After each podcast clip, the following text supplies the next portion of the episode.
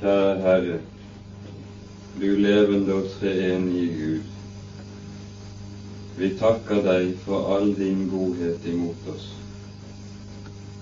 Takk, du hellige Far, at du har gitt oss din egen Sønn,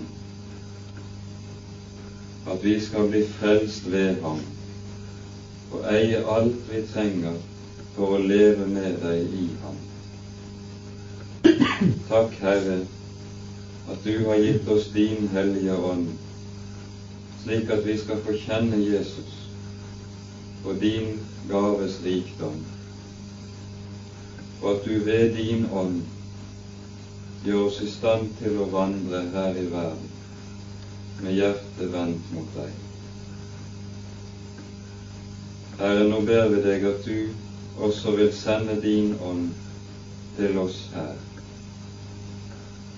Og hvis du, Herre, ikke kommer og gir lys i ordet ditt, så er det forgjeves alt hva vi gjør. Kom du, Hellige Ånd, og ta for at vi må kjenne Jesus og bli bevart. Amen.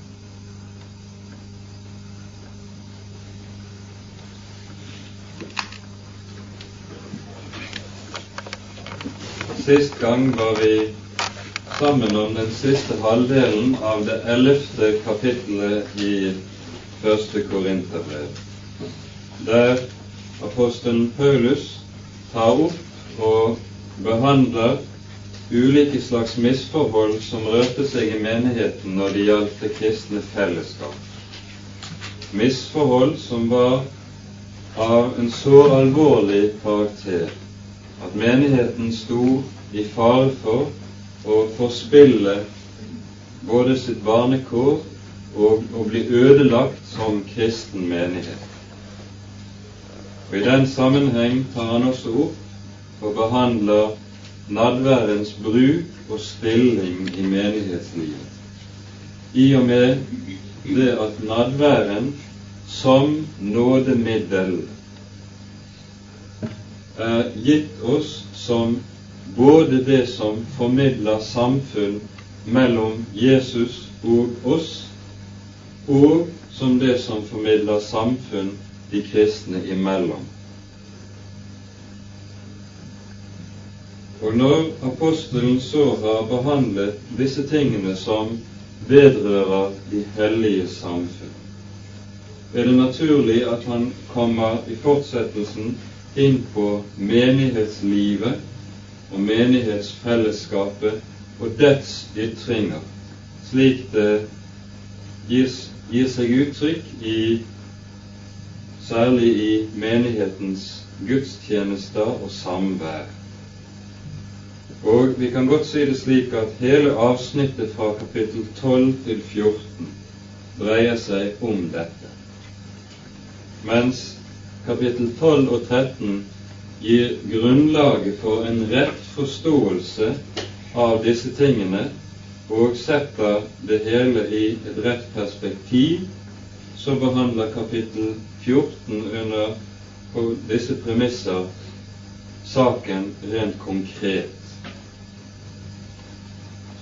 Det vi skal gjøre i dag, det er at vi skal ta for oss kapittel 12, og vi leser hele kapittelet i sammenheng til å begynne med. Jeg tror ikke at vi rekker å gå igjennom hele kapittel 12 i dag, men for sammenhengens del tror jeg vi kan lese det hele. Men om de åndelige gaver, brødre, vil jeg ikke at dere skal være uvitende. Dere vet at den gang da dere var hedninger, lot dere dere drage til de stumme avguder, alt ettersom dere ble draget. Derfor kunngjør jeg dere at ingen som taler i Guds ånd, sier 'Forbannet er Jesus', og ingen kan si 'Jesus er Herren' uten i Den hellige ånd. Det er forskjell på nådegaver, men Ånden er den samme. Det er forskjell på tjenester, men Herren er den samme. og det er forskjell på kraftige virkninger, men Gud er den samme som virker alt i alle. Men Åndens åpenbarelse gis enhver til det som er ganglig. For en gis visdomstale ved Ånden, en annen kunnskapstale ved den samme ånd, en annen tro ved den samme ånd, en annen nådegave til å helbrede ved den samme ånd, en annen kraft til å gjøre undergjerninger, en annen profetisk gave, en annen evne til å prøve ånder, en annen forskjellige slags tunger. Og en annen tydning av tunger. Alt dette virker den ene og samme ånd i det han utdeler til hver især ettersom han vil. For like som legemet er ett og har mange lemmer, men alle legemets lemmer, om de enn er mange, dog er ett legeme, således er det òg med Kristus. For vi er jo alle døpt med én ånd til å være ett legeme enten vi er jøder eller grekere, enten vi er treller eller frie, og vi har alle fått én ånd å drikke. For legemet er jo heller ikke ett lem, men mange.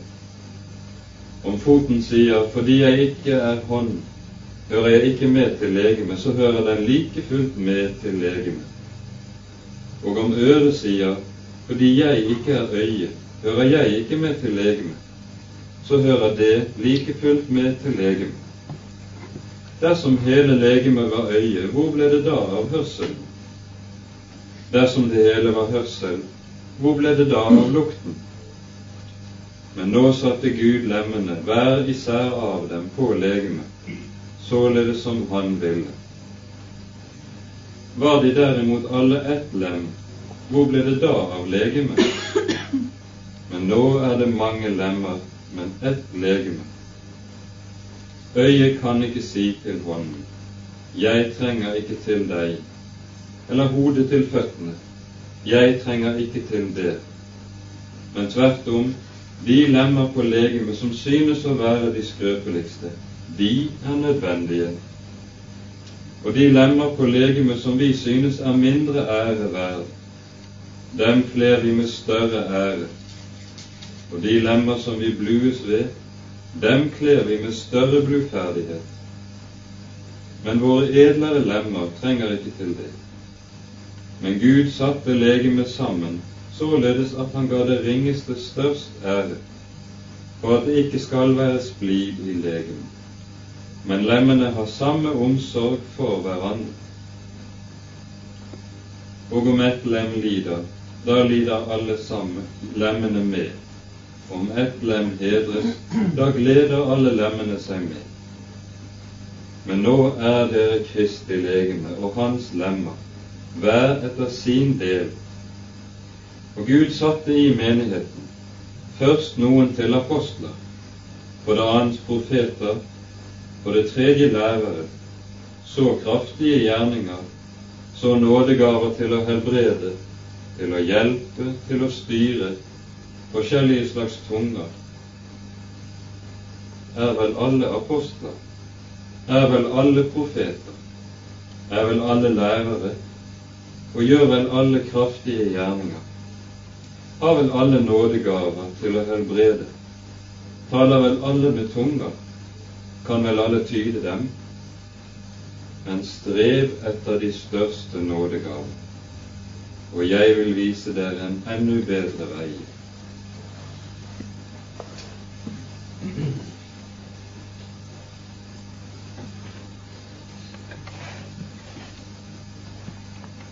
Vi vet alle sammen at når vi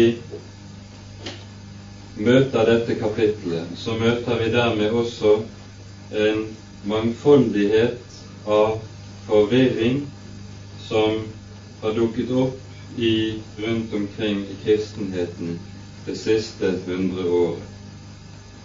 Og denne forvirringen er gjerne koblet sammen med det som kalles for karismatikk, og som gjerne karakterisert ved dette som kalles for dåp i Den hellige ånd. Og Vi er nødt til å snakke litt om den, den saken i dag for at vi skal kunne forstå dette avsnittet i Bibelen her. Det skal vi gjøre litt senere.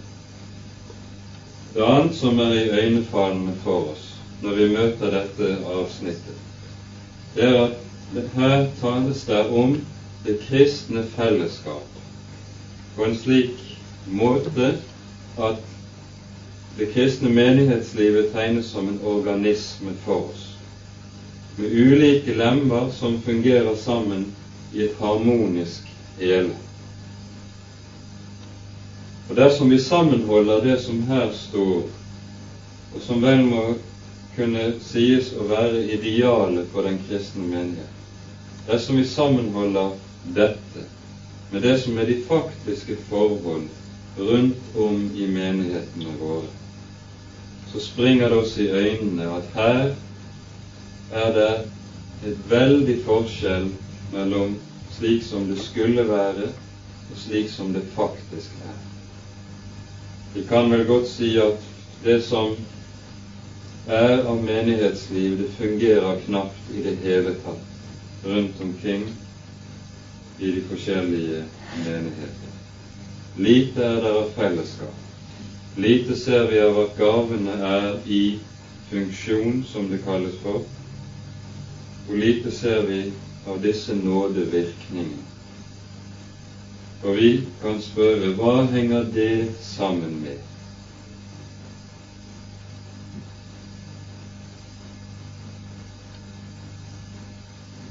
Vi skal ha klart for oss i hvert fall én ting, og det må vi se nærmere på mens vi går igjennom dette kapitlet. At skal det tales om Jesu menighet som hans legeme, så går det ikke an uten å tale om Ham som er hodet. Og dette er helt fundamentalt. Og der hvor Han som er hodet, ikke får lov til å ha den rette plass som tilkommer ham i menigheten, der må alt annet bli sykt, må det bli forvirring og bli sykdom i legemet. Om dette taler Efeserbrevets fjerde kapittel, som jeg tror vi skal stanse ganske kort for nå og se nærmere på senere.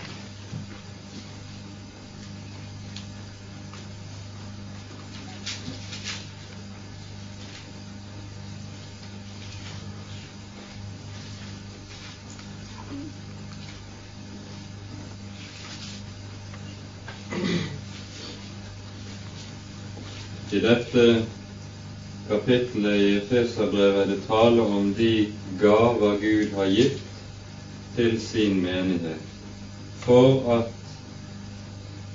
menigheten skal bli bevart, skal vokse til sunnhet og åndelig helse.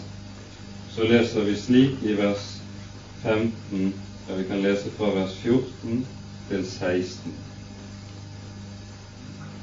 for at vi ikke lenger skal være umyndige og la oss kaste og drive om av ethvert lærdomsvær ved menneskespill, kløkt i villfarelsens kunster, men at vi, sannheten tro i kjærlighet, i alle måter skal vokse opp til Ham som er hodet, Kristus, av hvem hele legemet sammenføyes og sammenknyttes ved hvert bånd som Han gir og vokser sin vekst som legeme til sin oppbyggelse i kjærlighet.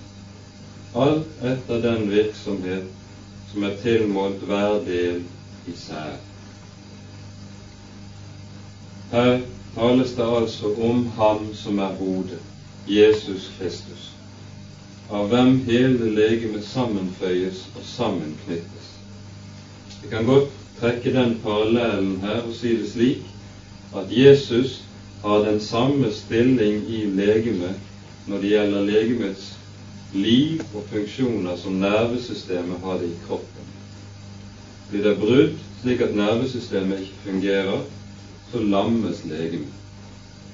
Og Derfor er det dette som har med forbindelseslinjen til Jesus som Herre og hodet i menigheten, som er grunnforutsetningen for all åndelig liv i menigheten overhodet. Uten Jesus åndelig sykdom, lammelse og død. Slik må det være. Det hører til sakens natur. Og Derfor er dette noe vi trenger å ha helt klart for øyet. Det blir ikke liv i en menighet bare ved at man snakker om Den hellige ånd og Den hellige ånds gjerning og virkning. For dette kjennetegner Den hellige ånd nemlig at han taler ikke om seg selv, han taler alltid om Jesus.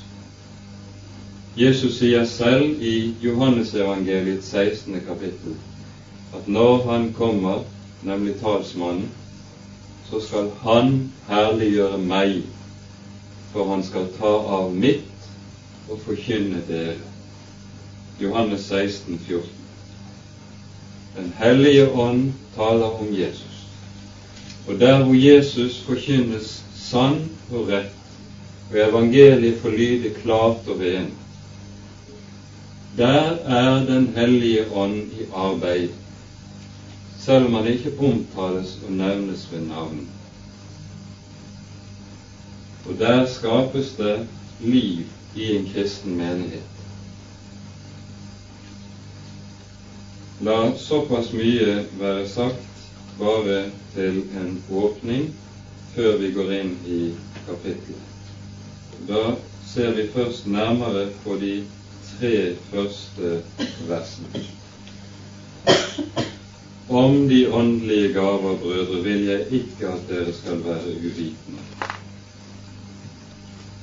Dere vet at den gang da dere var hedninger, lot dere dere dra til de stumme avguder, alt ettersom dere ble dratt. Derfor kunngjør jeg dere Ingen som taler i Guds ånd, sier 'forbannet er Jesus'. Og ingen kan si 'Jesus er Herre' uten i Den hellige ånd. Her peker apostelen først på at dette som har med kjennskapet til de åndelige gaver og deres plass og betydning, deres grunnlag og deres mål i menigheten, dette er noe som de kristne ikke skal være uvitende om. Det er nødvendig at vi som kristne kjenner til disse tingene for at det skal få sin rette plass i en kristen menighet. Det som nemlig er situasjonen i Korint, og det er helt tydelig at dette ligger bak. Paulus kommer igjen nå og svarer på et spørsmål som menigheten i Korint har stilt ham. Det er gjerne slik han innleder svar på spørsmål som menigheten har stilt, som vi leser her i det første verset. Og dette spørsmålet, som var rettet til Paulus, er stilt på bakgrunn av at det nettopp var stor forvirring i menigheten i Korint med henblikk på disse tingene. Vi kan godt snakke om at det var en forvirret karismatikk i bevegelse i menigheten i Korint. Og Denne var særlig kjennetegnet ved at det som hadde med tungetale å gjøre, tok overhånd. Jeg vil ikke at dere skal være uvitende. Så minner han først om hvorledes hvilke kår de levet under. Da før de var kristne, da de levet som hedning. Grunnen til at han minner om dette, er at det også i hedenskapet var slik, det så man allerede den gang, og man ser det i ulike hedenske religioner i dag, at det var åndsmakter og åndsgaver som ga seg til kjenne og var virksomme, slik at det var tydelig at her var det en åndsmakt som ga seg til kjenne i en eller annen ytring, f.eks. ved at det skjedde helbredelse, eller ved at det var tungetale. En kjent sak f.eks. at tungetalen den er noe som gjør seg gjeldende i alle religioner. Det er et allmennreligiøst fenomen, kan vi godt si. Det som altså er viktig å skjelne mellom her, det er at tungetalen kan inndeles i tre ulike slag. For det første den som er drevet frem av Gud, og som er ovenfra. Det er kun den som kan aksepteres i den kristne menighet. For det andre er det den som er rent menneskelig tungetale, som er et rent psykologisk fenomen. Det er ikke uvanlig, dette fenomenet. Det er noe som springer ut av menneskets underbevissthet. Og det tredje er den tungetale som drives frem av åndsmakter som er onde. Hedenske guder som ligger bakom, og som gjør seg gjeldende ved slik tungetall. Slikt visste Paulus, og slikt visste korinterne Det fantes ofte. Og Derfor er tungetalen i seg selv intet tegn på sann åndelighet, på at Gud er nær med sin Hellige Ånd. Det må skjelnes mellom de ulike slag.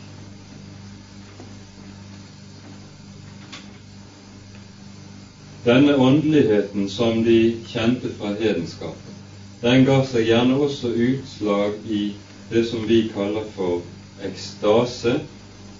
Det at et menneske kunne bli nærmest fra sans og samling fordi det blir så fylt av den guddom det søker eller tilber.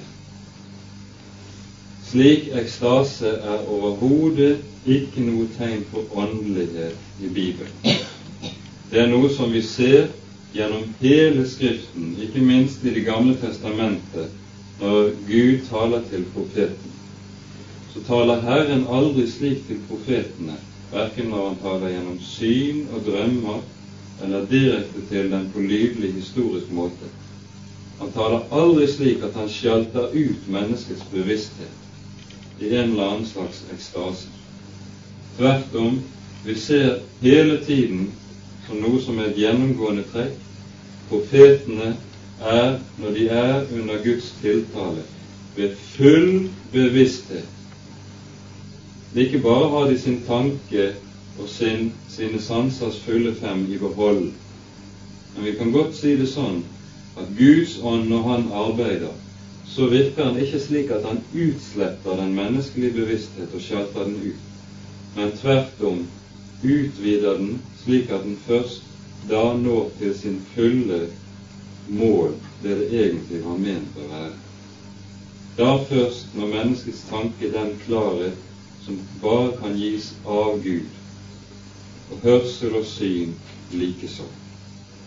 Altså menneskets bevissthet sjaltes ikke ut, men tvert om sjaltes inn, for å bruke et slikt uttrykk. Og så sier apostelen i forlengelsen av dette ganske naturlig derfor kunngjør jeg dere. For her er det en spesiell uttrykksmåte som gir et veldig ettertrykk til det Paulus sier.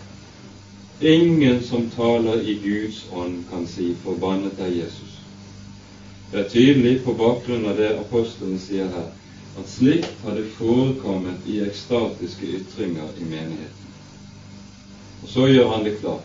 Slik ytrer Guds hellige ånd seg aldri. Tvert om. Det er motsatte veien. Ingen kan si 'Jesus er Herren' uten i Den hellige ånd. Fra hedenskapet visste korinterne at når man ble kom i ekstase eller transe, ble grepet av en av de guddommene man søkte, så kunne det ofte være slik at de forbannet den guddom de nettopp kom i samfunn med. Slikt står referert i en del av de hedenske forfattere i forholdtiden. Men noe slikt kan umulig gjøre seg gjeldende under Den hellige ånds påvirkning. Tvert om, Den hellige ånd har dette kjennetegn med seg, at der fører den til det som er den grunnleggende kristne bekjennelsen, som lyder Jesus er Herren. Og Legg merke til, her møter vi igjen det grunnkjennetegn på Ånden som vi var inne på i sted. Den hellige ånd taler ikke om seg selv, men om Jesus. Der Jesus bekjennes og tros, der er Ånden, og der arbeider han. Legg også merke til at dette som var den første kristne bekjennelse som vi leser her i det tredje verset, det er en bekjennelse som har en overmåte stor betydning. For ordet Herre, dette har vi jo vært inne på tidligere, det betyr ikke bare at jeg rent subjektivt sier at Jesus er min Herre, og jeg er Hans tjener. Det ligger det jo også i dette ordet. Men det ligger en bibelsk fylde bakom, fordi, slik som dere vil huske, så er Guds navn i Det gamle testamentet nettopp dette navnet Herren. Den Gud og konge som åpenbarte seg i begynnelsen, som skapte himmel og jord, han heter Herren. Han som førte Israel ut av Egypt, som åpenbarte seg ved Sinai, som bevarte sitt folk gjennom hele den gamle pakts tid. Han heter Herren. Og det som den første kristne bekjennelse altså innebærer, er at Jesus av Nasaret, tømmermannssønnen fra denne lille by, som er en ubetydelig by i et ubetydelig land, han er himmelens og jordens skaper og herre, den allmektige. Det er den første kristne bekjennelse, og vi skjønner at dette har den største betydning, at den kristne bekjennelsen er slik Derfor møter vi denne bekjennelsen en rekke steder i Det nye testamentet. I Romerbrevets tiende kapittel sier jo apostelen Paulus slik Dersom du i ditt hjerte tror og med din munn bekjenner at Jesus er Herren, da skal du bli frelst. Og i Korinterbrevets, i 2. Korinterbrevs 4. kapittel sier apostelen slik Vi forkynner ikke oss selv, men Kristus Jesus som Herren. I Kolosserbrevets andre kapittel lyder det slik Like som dere tok imot Kristus Jesus som Herren, således også vandret i ham. Vi ser at denne bekjennelsen griper inn i alle de grunnleggende forhold i det kristne liv nettopp fordi den er så fundamental og så grunnleggende som den er. Derfor gjør apostelen det klart den som bekjenner Jesus slik, han har Den hellige ånd. Og Her taler han altså ikke om bare en bekjennelse med munnen som er teori, men her taler han om det som er hjertets bekjennelse og tro. Der er Den hellige ånd i arbeid, der gir han seg til kjenne.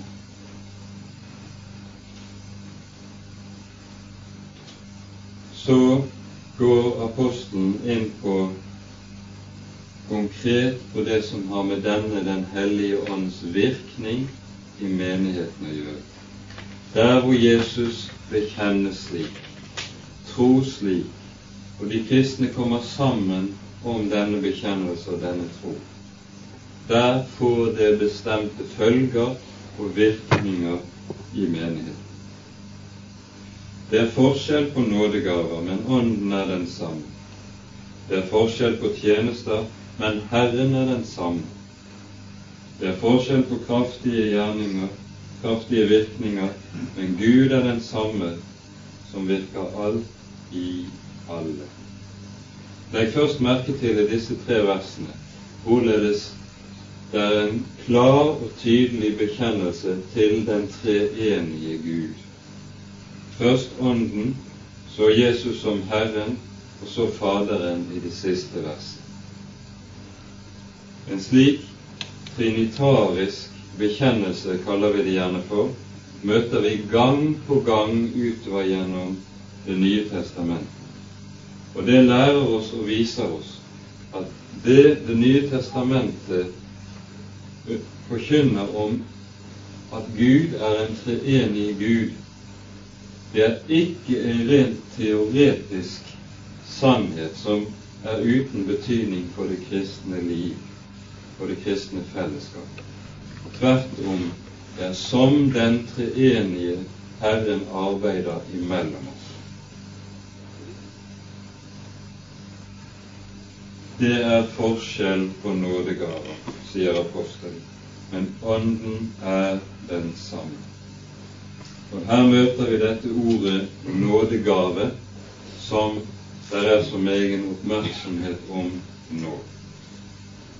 Det greske ordet som brukes her, det kan også brukes om frelsen som helhet. For eksempel står det i Romerbrevet sjette kapittel vers 23 Syndens lønn er døden, men Guds nådegave er evig liv ved Jesus Kristus, vår Herre. Og Det samme pekes der på i det femte kapittelet, det er vel i de 17. og 18. verset, hvor det tales om den nådegave som er gitt oss i frelsen, i kraft av Jesu lydighet for vår skyld. Altså hele frelsen kan kalles for en nådegave. Det er tydelig at denne betydning er det ikke ordet har i vår sammenheng. Her er det tale om en virkning som Den hellige ånd har i de kristne fellesskaps liv og for det kristne fellesskaps skyld. Og det er viktig å være klar over.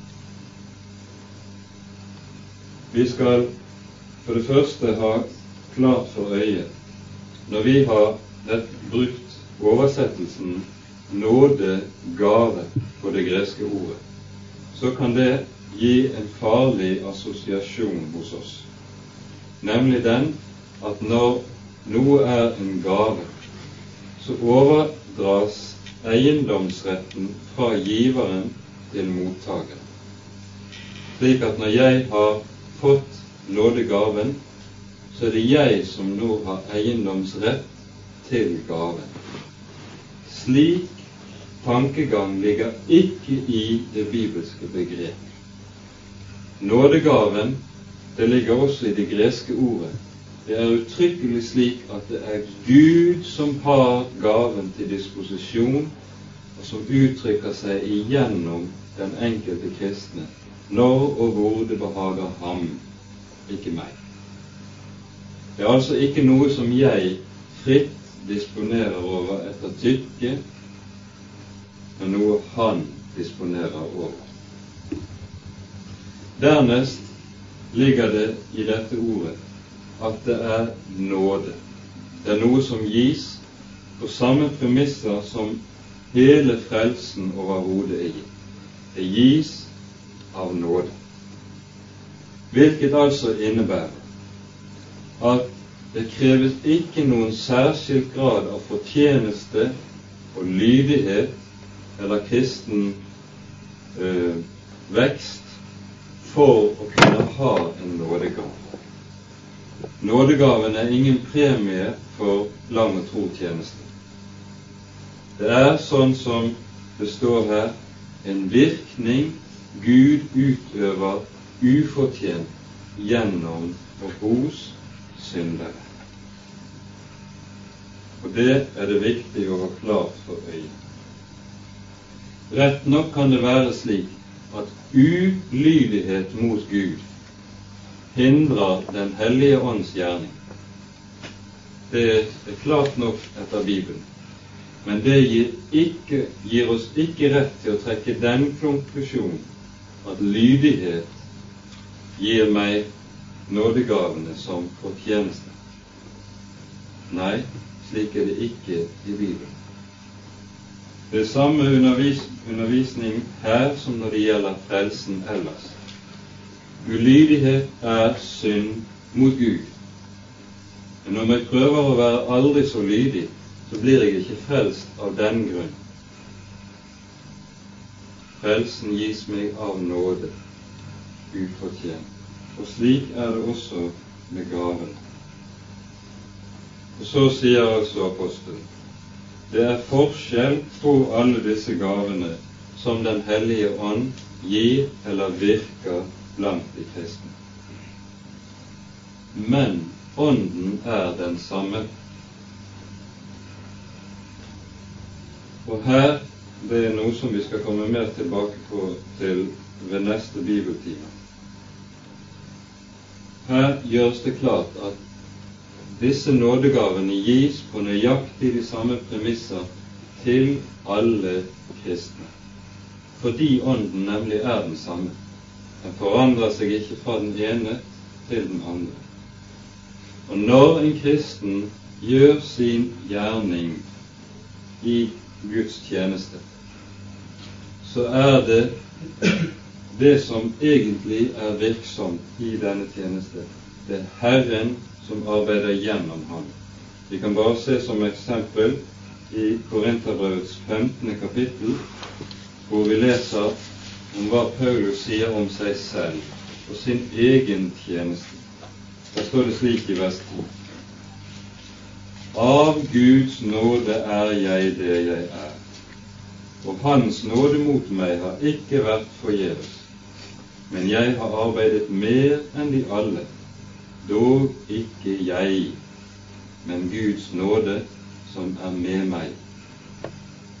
Legg merke til Paulus er meget nøye med å presisere det er ikke ham, men Guds nåde som arbeider gjennom ham.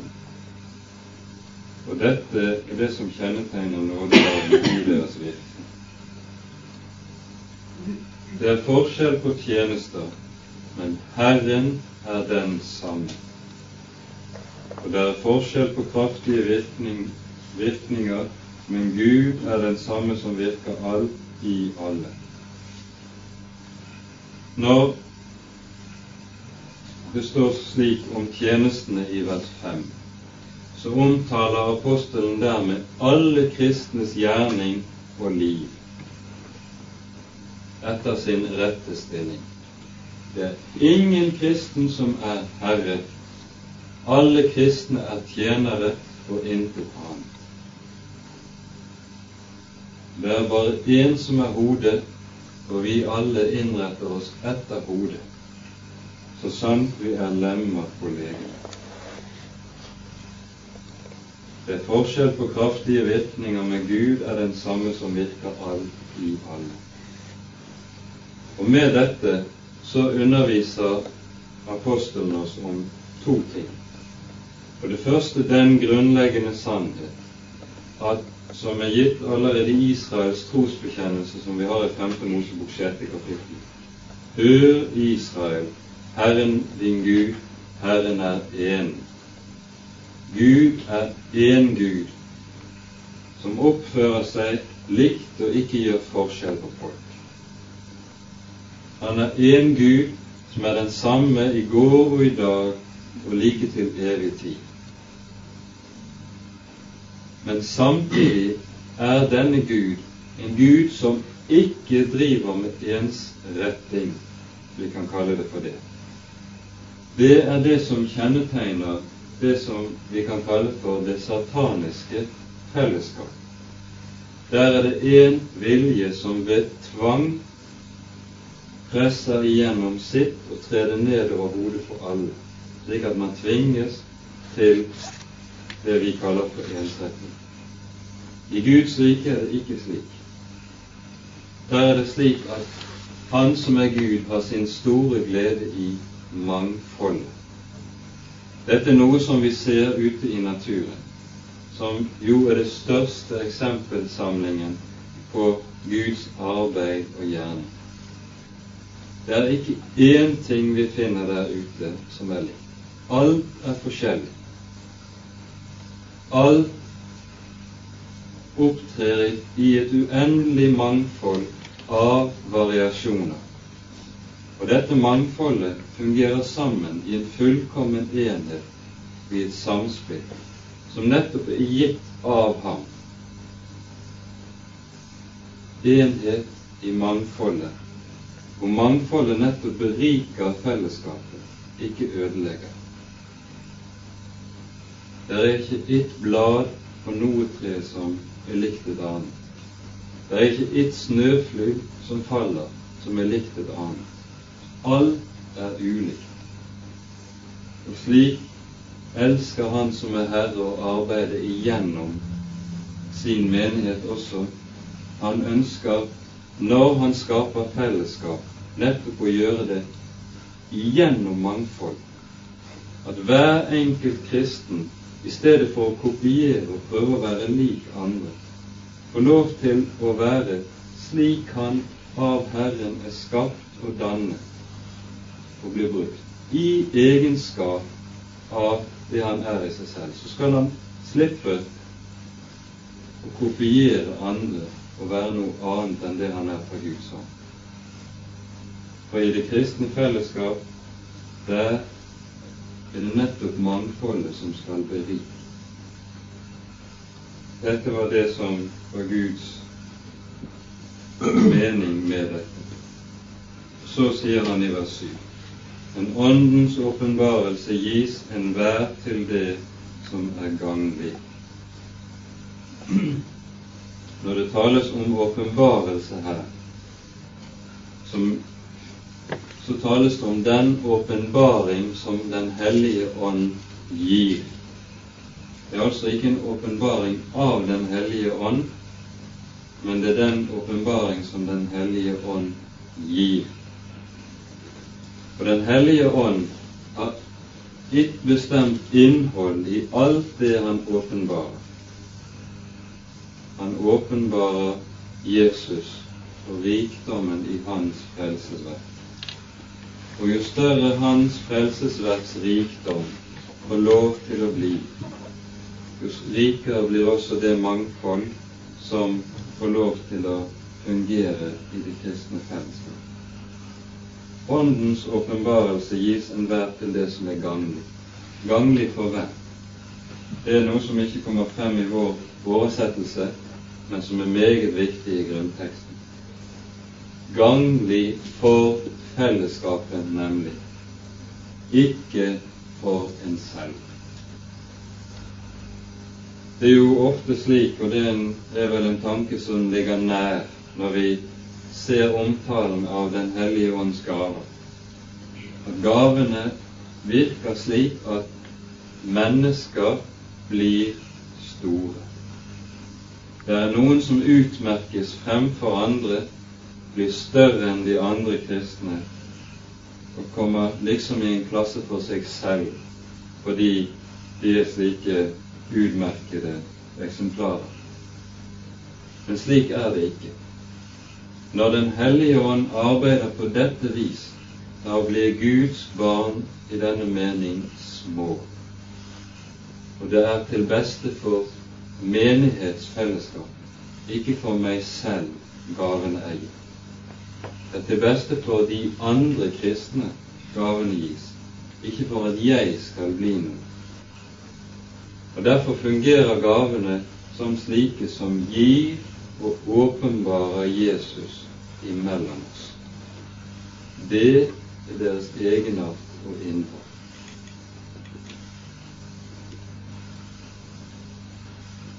Og så tar han for seg og navngir en del av de gaver som virker og fungerer i menigheten. Her er det, må vi være klar over at her, det apostelen her lister opp, det er eksempler. Han gir ikke en fullstendig liste over de ulike slags gaver. For mangfoldet i gavene er like stort som antallet kristne. Her gir han en eksempelsamling på en del av de viktigste, og kanskje vi også kan kalle de mest iøynefallende gavene. Og så nevner han to gaver først, som han kaller for visdomstale og kunnskapstale. Dermed tenker apostelen på den gave som normalt og vanligvis er gitt eh, gjennom ordets tjeneste i den kristne mening. Når Paulus senere i slutten av kapittelet nevner opp disse tjenestene etter sitt innhold i stedet for etter det som er kjennetegner gaven, så setter han nettopp alle disse som innehar ordets tjeneste, først. Apostler, profeter og lærere. Disse er ment ved Guds hellige ånd og skulle formidle nettopp det som kalles for visdoms- og kunnskapstale. Og det skal de gjøre gjennom sin undervisning i Guds ord i den kristne menighet. Dette har en særskilt plass og betydning for menigheten. Fordi det er ved ordet og ved innsikten i dette Guds ord den kristne menighet lever mellom disse to. Når det taler om visdom, så siktes det til den Guds visdom som apostelen omtaler i det første kapittelet i brevet, som er en dårskap for verden. Den visdom som er av Gud, og som skiller seg fra mennesketanker og menneskeveier. Denne visdom er noe som ikke noe menneske kan finne frem til ved egen kraft og egen tanke, men som nettopp bare kan gis ved at Den hellige ånd får plass i hjertet og åpenbarer akkurat som Den hellige ånd må få åpenbare denne Guds visdom for predikanten, så må han fortsette å åpenbare det i forkynnelsen, slik at det blir visdomstale. Denne visdom er i Bibelen gjemt i Kristus. I Kolosserbrevet 2 står det slik I ham, altså i Kristus, er alle visdommens og kunnskapens skatter skjult til stede. Med ordet kunnskap tenkes det på den praktiske anvendelse av visdommen. Og det er de to sidene av, som det her tenkes på. Så nevner apostelen en ny gruppe med gaver. Og nå kommer han med en liste på tre gaver. For det første tro, for det andre helbredelse, og for det tredje undergjerninger eller kraftige gjerninger.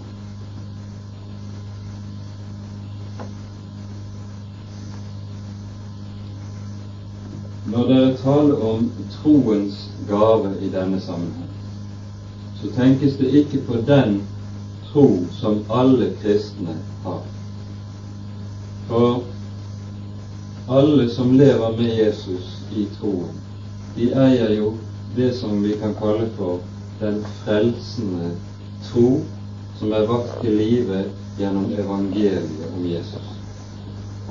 Det er ikke den tro det tenkes på her men det er den tro som har av og til gir seg særskilt uttrykk på den måten som Jesus taler om, at dersom dere bare hadde tro som et sennepskorn, da skulle dere kunne si til dette fjell, kast deg i havet, og det ville gjøre det. Vi har eksempler i Det gamle testamentet på nettopp slik tro ved gitte og bestemte anledninger. F.eks. den gangen David skulle møte Goliat. Når han står foran Goliat og skal i kamp med ham, så viser David tilbake på Guds løfte, og så sier han i dag skal du falle for Israels Guds hånd. Herren som har beskyttet og bevart meg mot løve og bjørn, han skal også holde meg oppe og stride for meg i dag. Og hele Israel skal kjenne at Herren er Gud. Hvor har David hentet denne tro og frimodighet fra, som gjør at han kan møte en mann som Goliat, så å si uten bedre, uten noe som helst naturlig å støtte seg til? Her ser vi anskueliggjort hva det er som kalles for troens gave i denne sammenheng. Det er en tro gitt på bestemte løft, Guds løfter inn i bestemte situasjoner. En tro gitt på at Herren i denne situasjonen vil svare med å virkeliggjøre dette bestemte løftet.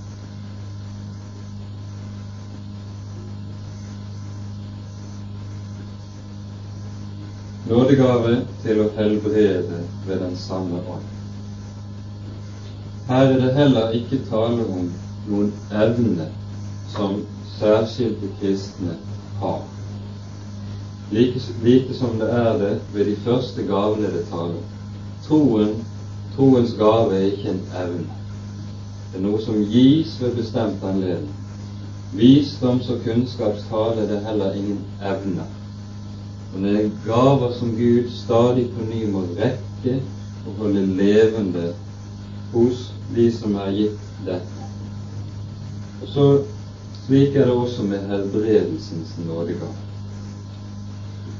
Den kan ytre seg normalt i den kristne menighet på to måter. Den ene er at Herren på særskilt måte knytter seg til en bestemt person som får en bestemt helbredelsestjeneste. Vi har ja, hatt slike opp gjennom tiden i Norge. Og det som kjennetegner disse, er ikke at de så å si kunne helbrede alle som kom til dem, og som de ba for. Det var gjerne slik at det var særskilte mennesker som fikk hjelp og ble helbredet, og andre fikk det ikke fordi Guds time ikke var kommet på dem. Og disse er av Gud blitt brukt rikelig og til stor velsignelse. Og her ser vi at Herren oppfyller noe av løftet sitt som vi har, finner i Salme 103. Min sjel lov Herren, og glem ikke alle hans velgjerninger. Han som forlater alle dine synder og helbreder alle dine sykdommer. Det er noe av det som virkeliggjøres gjennom den tjenesten. Den ene måten helbredelsens nådegave gjør seg gjeldende i den kristne menighet. Den andre måten er gjennom det som er omtalt i Jakobs brev i det femte kapittel. Og det er, må vi vel si, er den normale tjeneste i en menighet. Der tror jeg vi skal ta oss tid til å lese dette avsnittet i det femte kapittelet hos Jakob.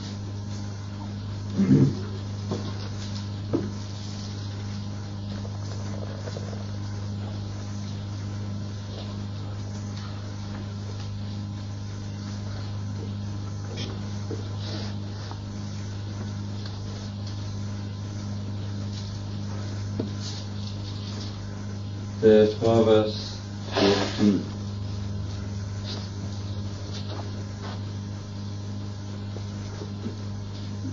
Er noen iblant dere syk, han kaller til seg menighetens eldste, og de skal be over ham og salve ham med olje i Herrens navn.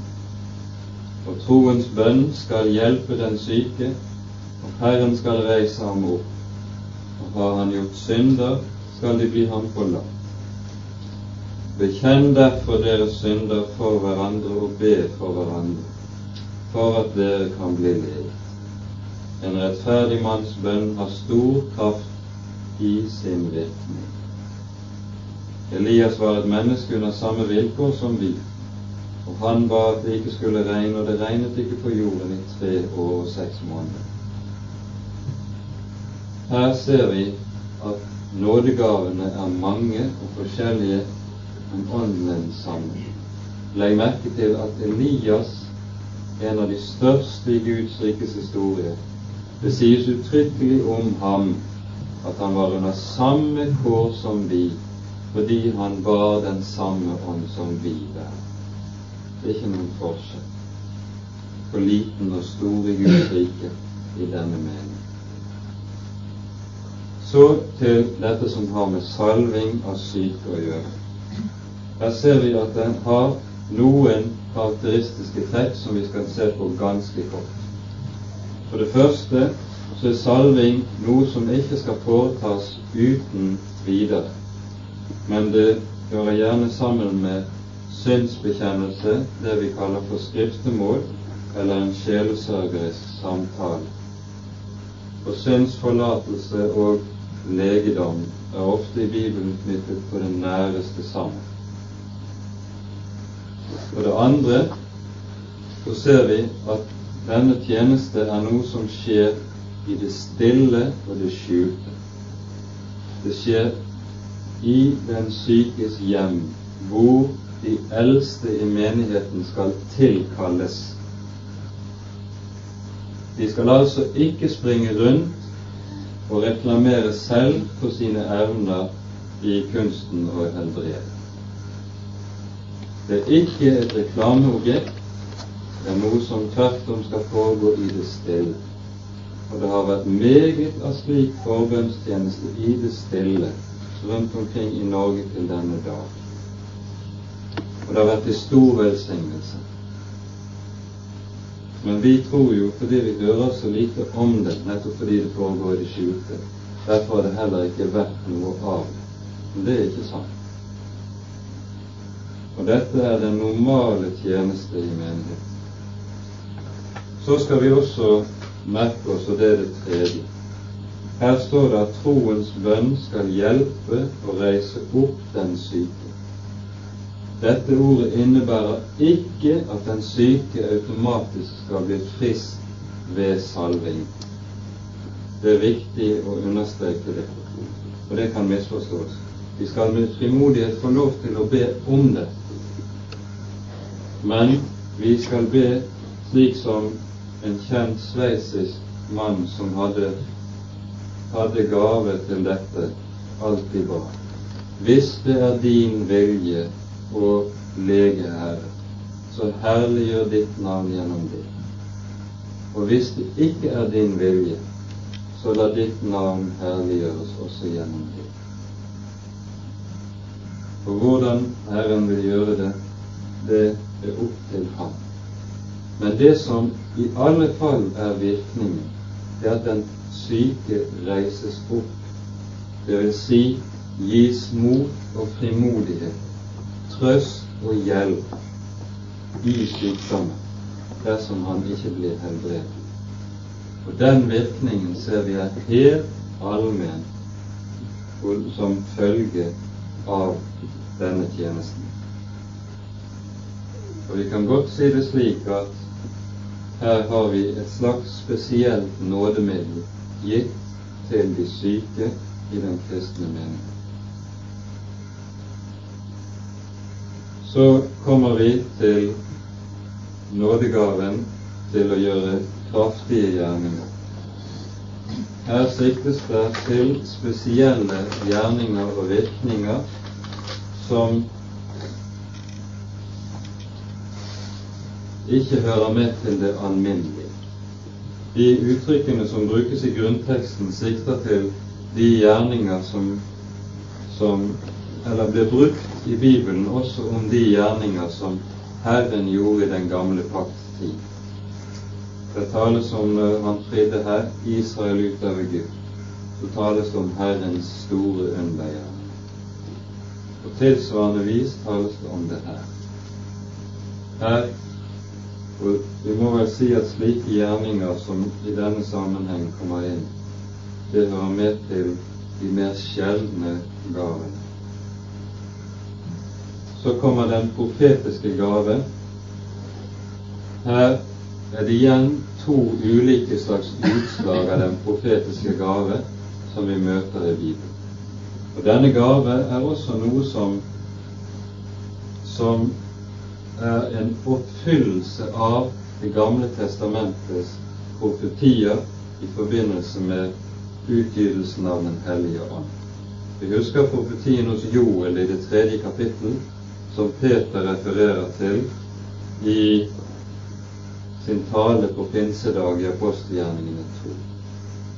Her står det om at deres unge menn og deres jomfruer, deres treller og trellkvinner, skal tale profetiske ord. Hva menes det så med profetisk tale i denne sammenheng? Det er to ting. For det første er det tale om dette som vi ser eksempler på i apostelgjerningene, at det er konkret forutsigelse av fremtidige hendelser.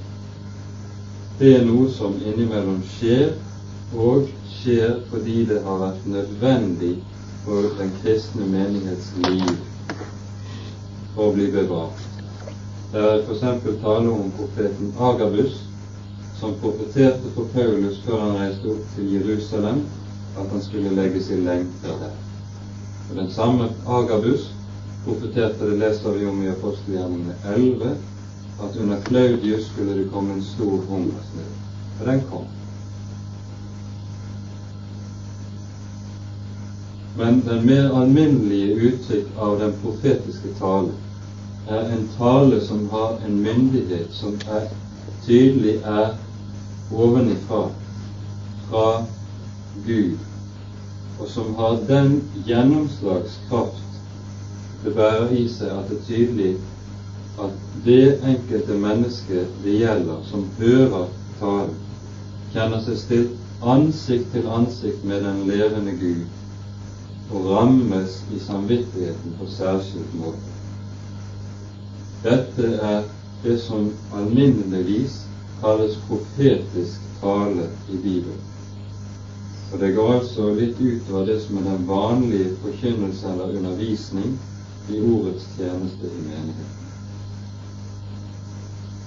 Så kommer nådegaven til å prøve ånden, som jeg ser vi trekker ut nå. Skal vi bryte av og fortsette neste gang, eller skal vi slutte av dette avsnittet? Vi tar dette avsnittet ferdig, i hvert fall. Det er en gave som for ny er noe som er en livsnødvendighet for den kristne menighet. De som er bærere av denne gave, vet det ofte ikke selv. Men hos dem ytrer det seg gjerne slik at det kan være, ofte kan være en pine for dem å ha det. Fordi de fornemmer, ofte uten å være i stand til å sette ord på det, her taler det en fremmed ånd som ikke er fra Gud. Og det, dette gjør dem i stand til å skille ting som andre kristne ofte ikke er i stand til å skille. Normalt så er denne gave i allmennhet, vi kan godt si det slik, i alminnelig forstand noe som tilhører alle kristne. Etter Jesu eget løfte hvor han sier at 'mine får hører min røst. De kjenner hyrderøsten. Men til tider så er det slik tale og slike røster som lyder, som gir seg så fint ut for å være ovenfra, uten likevel å være at vanlige kristne ofte ikke er i stand til å skjelne. Og da har denne gaven en spesiell betydning. For i og med at Kristi menighet lever av Kristi ord, så er det en livsbetingelse for menigheten at den også kan skjelne og skille ut det som er falskt. Altså de ekte perlene fra glassperlene. Det er jo slik gjerne at den som er ukyndig, han lar seg lure av glassperler eller av falske perler men den kyndige, han ser raskt forskjell. Og slik er det også at de ukyndige, meget fort kan føres på avveier og ledes i grøften ved vrang tale. Nettopp for deres skyld er denne gaven en nødvendighet i menigheten. Så nevner apostelen opp til sist tungetalen og tydningen av tunge. Hva denne gaven innebærer, har vi sagt litt om, og nesten hele kapittel 14 dreier seg om dette, så det tror jeg vi utsetter til vi kommer så langt ved å behandle det. Men la oss til slutt sammenfatte dette som sies her, med de siste vers 11 til 13. Alt dette virker den ene og samme ånd, i det han utdeler til hver især ettersom han vil. For like som legemet er ett og har mange lemmer, om alle legemets lemmer, om de enn er mange, dog er et legeme. Således er det òg med Kristus. For vi er jo alle døpt med én ånd til å være ett legeme. Enten vi er jøder eller grekere, enten vi er treller eller frie. Og vi har alle fått én ånd å drikke. Og her møter vi noe som ofte har vært tatt til inntekt for talen om Den hellige ånds dåp som en forutsetning for å eie den, disse Den hellige ånds gaver, og som forutsetning for at Den kristne kirke skal fungere slik som et legeme, som et sant fellesskap av kristne. Det som er det farlige med dette uttrykket Den hellige ånds dåp, det er at det brukes på en slik måte at det er tale om det som på engelsk heter a second blessing. Det vil si at vel kan man være en kristen, men det går godt an å være en kristen uten å være døpt i Den hellige ånd. Så er det noen særskilte kristne som har fått Den hellige ånds dåp, og de har forutsetning til å bli slike spesielle kristne med særskilt utrustning. De blir effektive kristne i motsetning til dine. Disse som har denne Den hellige ånds dåp og gave, som det kalles for, de får seier over synd. De har effektiv fremgang i livet sitt og kristenlivet sitt og hos dem hører man lite både om åndens fattigdom, om nederlag og trengsel. La det være klart at slik tale har intet rom i Bibelen, og det er vranglære. Bibelen taler om at Jesus skulle døpe sine i Den hellige ånd og ild. Døperen Johannes forutforkynner dette om Jesus det leser vi om i Matteus 3 f.eks. Men når han sier dette, så betyr det rett og slett det at hvert menneske som ved troen kommer i samfunn med Jesus, han får del i Den hellige ånd. For å bli døpt i Den hellige ånd, det betyr rent språklig det samme som å få del i Den hellige ånd. Derfor skal vi vite det at det er ingen som er kristen uten å ha Den hellige ånd, og dermed å være døpt i Den hellige ånd. Det finnes ikke en første gruppe av førsteklasses kristne og så en gruppe av annenrangs kristne. Er man først Guds barn og født på ny, så eier man Den hellige ånds gave, så er man døpt i Den hellige ånd. Og Bibelen bruker en rekke ulike uttrykk for å skildre og beskrive overgangen fra det gamle livet til det nye liv. Vi kan tale eksempelvis om gjenfødelse. Bibelen taler om omvendelse. Bibelen taler om øh, døpes i Den hellige ånd, gå over fra døden til livet, taler om å leveliggjøres, taler om å komme til troen eller komme til Jesus. Alle sammen er ulike uttrykk som på forskjellig måte beskriver hva det vil si å bli frelst. Og nettopp gjennom denne mangfoldighet får vi også inntrykk av mangfoldigheten i hva frelsen egentlig er og innebærer for den enkelte kristne.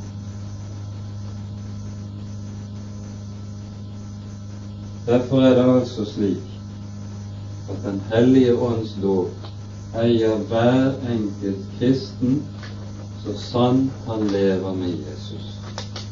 Det står også i Romerbrevets åttende kapittel at så sant noen drives av Guds ånd, hører han Kristus til. Og motsatt står det også i det åttende kapittelet i Romerbrevet har noen ikke Kristi ånd, så hører han ikke ham til. Det er helt klart, er det et enten-eller. Rett nok taler Bibelen også om at det går an å ha en ulik fylde av Den hellige ånd. Akkurat som du kan stille to glass ved siden av hverandre, og det ene er halvfullt og det andre helt fullt, slik at Den hellige ånd kan ha ulike grader av makt over de forskjellige kristnes liv, eller helliggjørelse, som vi gjerne sier. Men det vedrører overhodet ikke deres barnekår og kristens stand. Og det er ikke tale om noen annen velsignelse, second blessing, som er nødvendig for det.